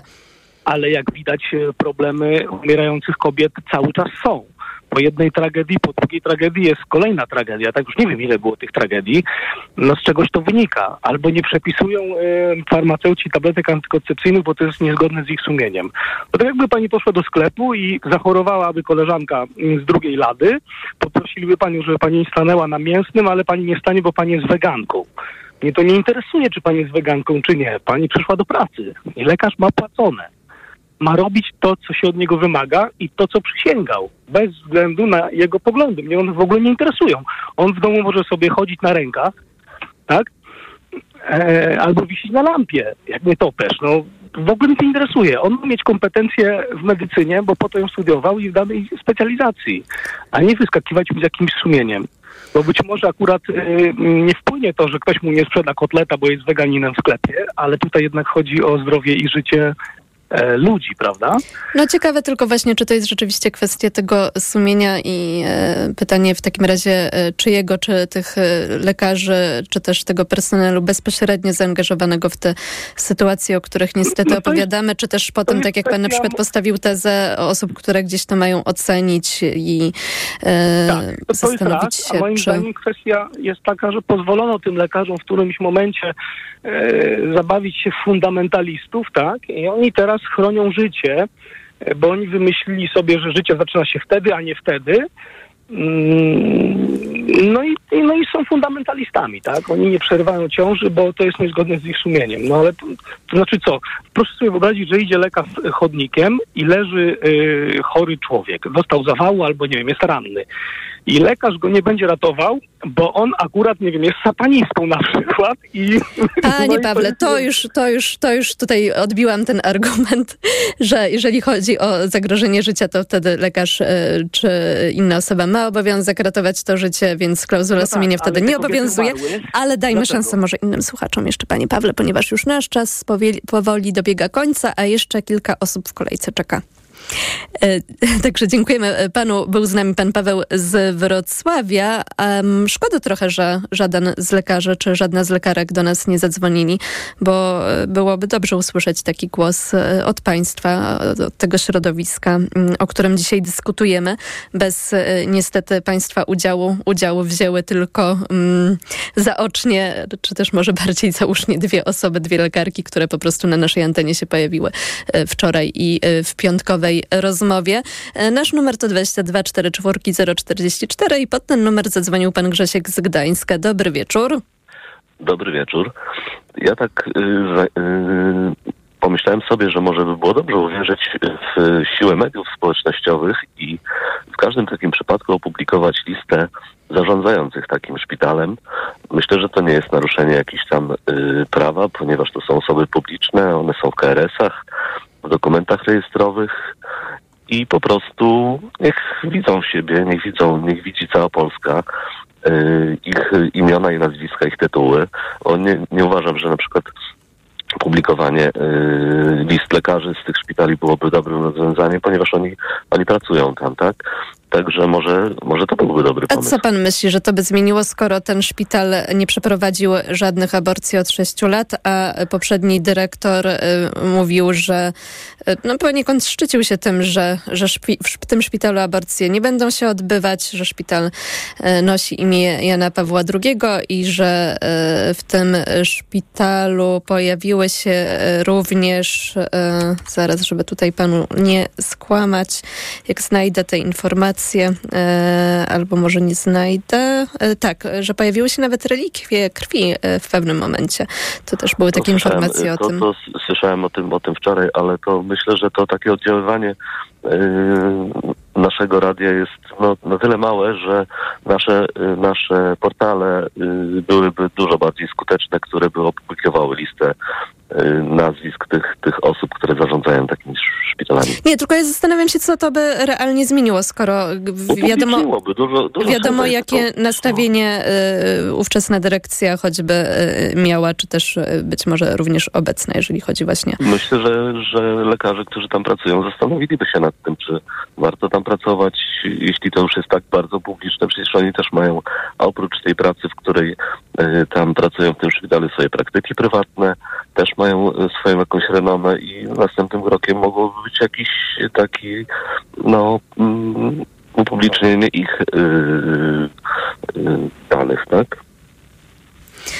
Panie Grześku, bardzo dziękujemy za Pana głos i za Pana e, propozycję, Pana przemyślenie, co można by było zrobić e, w tym temacie, bo dzisiaj dyskutujemy o tym, dlaczego lekarze w przynajmniej tych sytuacjach, o których wiadomo, e, na temat których pojawiły się medialne doniesienia, dlaczego lekarze zwlekali, czy też zwlekają z terminacją ciąży, narażając kobiety na śmierć, bo takich przypadków oczywiście było trochę i też w ostatnich ostatnich dniach e, pojawiała się kolejna historia, gdzie kolejna kobieta obawiała się, że straci swoje życie, bo e, znowu personel medyczny e, nie przyspieszał terminacji ciąży, a wręcz na odwrót raczej starał się ją podtrzymać, mimo że mm, wszystko wskazywało na to, że ta ciąża się nie utrzyma i że finalnie będzie zagrażała życiu kobiety.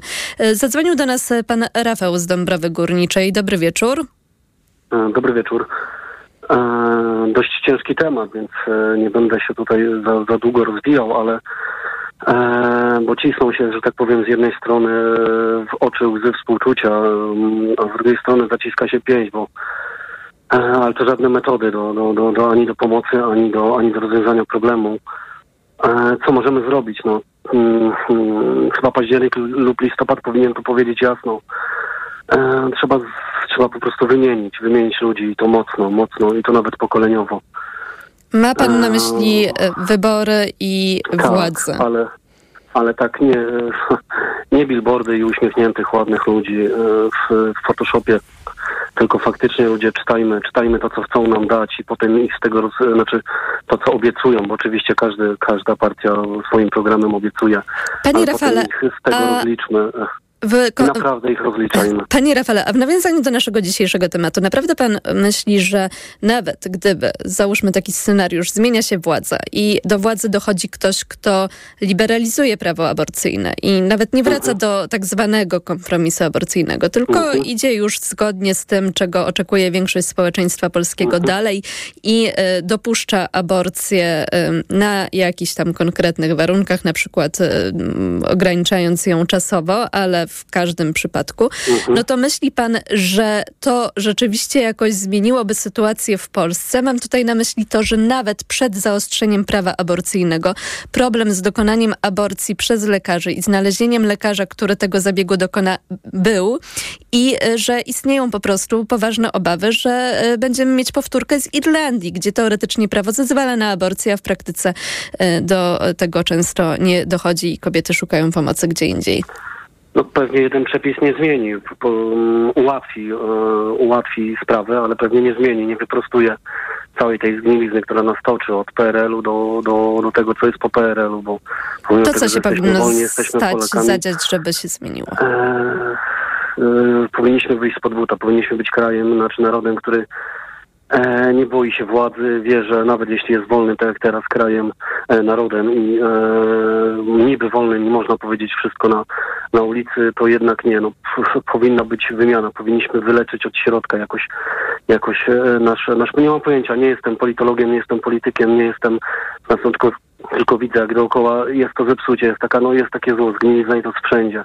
Nie wiem, wymiana pokoleniowa, może jest więcej potrzebnych takich pań jak, jak pani Gizela, e, może więcej jest potrzebnych takich ludzi, którzy, którzy wiedzą, jak świat funkcjonuje obecnie i e, po prostu chyba tak, e, jest, jest, jest potrzebne, nie wiem, jest chyba potrzebna jedna taka wielka pigułka po, dzień po, która przetoczy się po całym naszym, naszym kraju i te wszystkie złe rzeczy, które nas dotykają, jakoś, jakoś e, wyrzuci, wyrzuci gdzieś i będziemy mogli funkcjonować nie, nie bojąc się o, o życie naszych rodzin, bliskich e, i będziemy mogli po prostu funkcjonować, iść do, do swojej pracy. Jeden widzi pan, nawet na tę kopalni, pigułkę drugi- teraz potrzeba recepty, więc to nie jest takie no proste. Właśnie. No Panie dlatego mówię, to może nie, to może jakieś tsunami, nie wiem, cokolwiek. Coś, co, co naprawdę obudzi ludzi i obudzi tych ludzi, którzy, którzy, którzy są w jakiejś narkozie. E, dobra, nie przeciągam. Obiecałem, że nie będę przeciągał, więc nie przeciągam. Dziękuję za możliwość. Dziękujemy, że pan do nas zadzwonił. Był z nami pan Rafał z Dąbrowy Górniczej i czas na ostatni e, telefon dzisiaj od państwa. Jest z nami pan Zenon z Białego Stoku. Dobry wieczór. Kłaniam się. Yy, szybciutko. Mm, Zakaz jest wyraźny yy, i poparty mm, całą taką zewnętrzną obudową składającą się z mm, wypowiedzi polityków, księży, yy, działaczy takich jak Kaja Godek.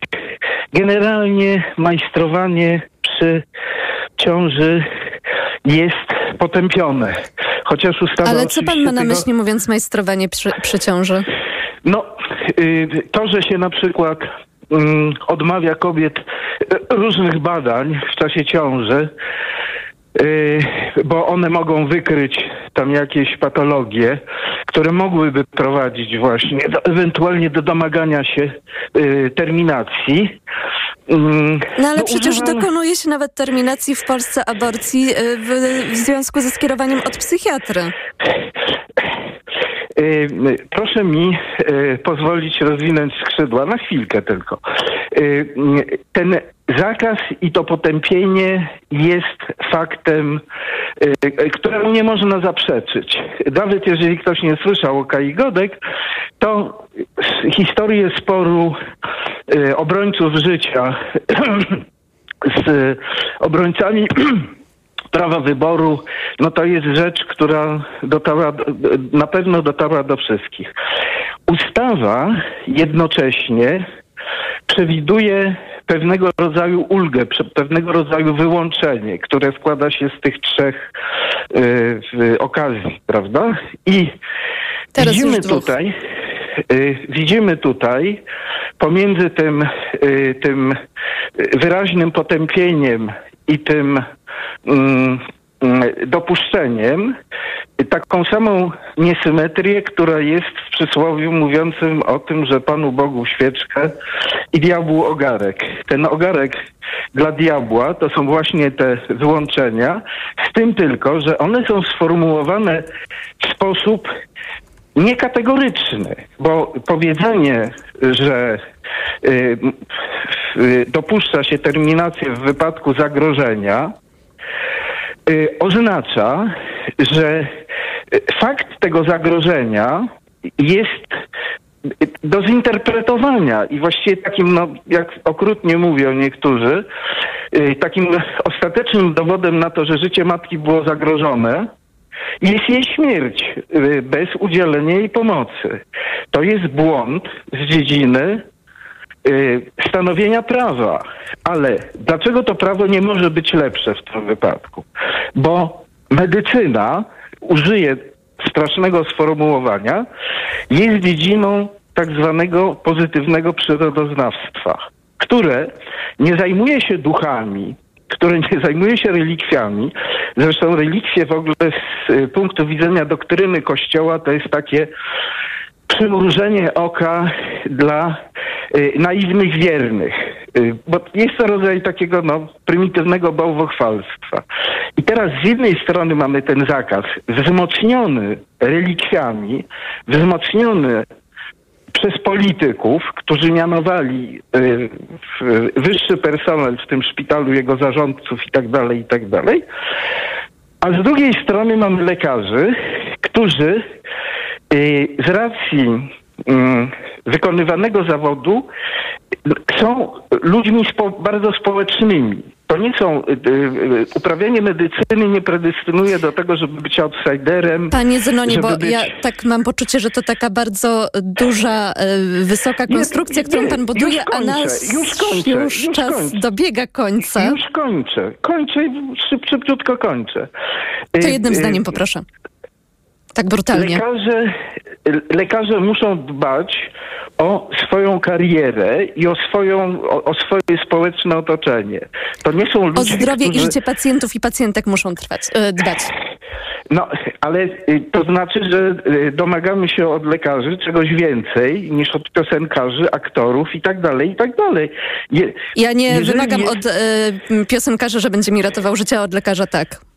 Utrata prawa wykonywania zawodu przez lekarza nie jest, nie jest, czy ryzykowanie utratą prawa wykonywania zawodu albo jakąś inną represją, infamią i tak Panie dalej. Zenonie, nie ale nikt, jak widać, musimy już kończyć, więc proszę mi wybaczyć, że przerywam, ale chciałam tylko podkreślić jeszcze raz, żeby to wybrzmiało. Żaden z lekarzy nie poniósł konsekwencji w Polsce zarządów PiS za to, że przerwał aborcję zgodnie z obowiązującym teraz prawem. W związku z tymi może przerwał ciążę, przepraszam, dokonał aborcji w związku z, powołując się na obowiązujące teraz prawo, a prawo dopuszcza aborcję w przypadku zagrożenia lub życia pacjentki. Więc, więc jest to zgodne z prawem i raczej działa to tak, że lekarze mimo tego, że to prawo obowiązuje, zwlekają w niektórych przynajmniej sytuacjach z podjęciem tej decyzji, co naraża życie i zdrowie kobiet. To był mikrofon Radiotek FM. Nasz program już dobiega końca. Program ten wydawała Karolina Kłaczyńska, a realizował Maciej Golczyński.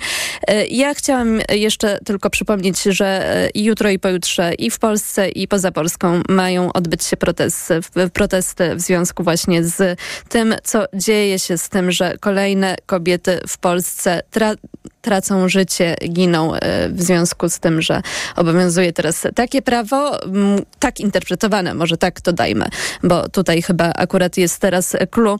Strajki kobiet jutro są zapowiedziane na ten moment w co najmniej 40 miastach i miejscowościach. Dlatego już dzisiaj dość wyjątkowo możemy zaprosić Państwa na jutrzejszy mikrofon, który poprowadzi Paweł Sulik i w którym na pewno będziemy kontynuować temat aborcji i sytuacji kobiet w Polsce. O 22 informacje, a już za chwilę książka na głos. Książkę Grażyny Plebanek Mademoiselka czyta Anna Ryźlak. Ja nazywam się Małgorzata Wołczyńska i życzę Państwu spokojnego wieczoru.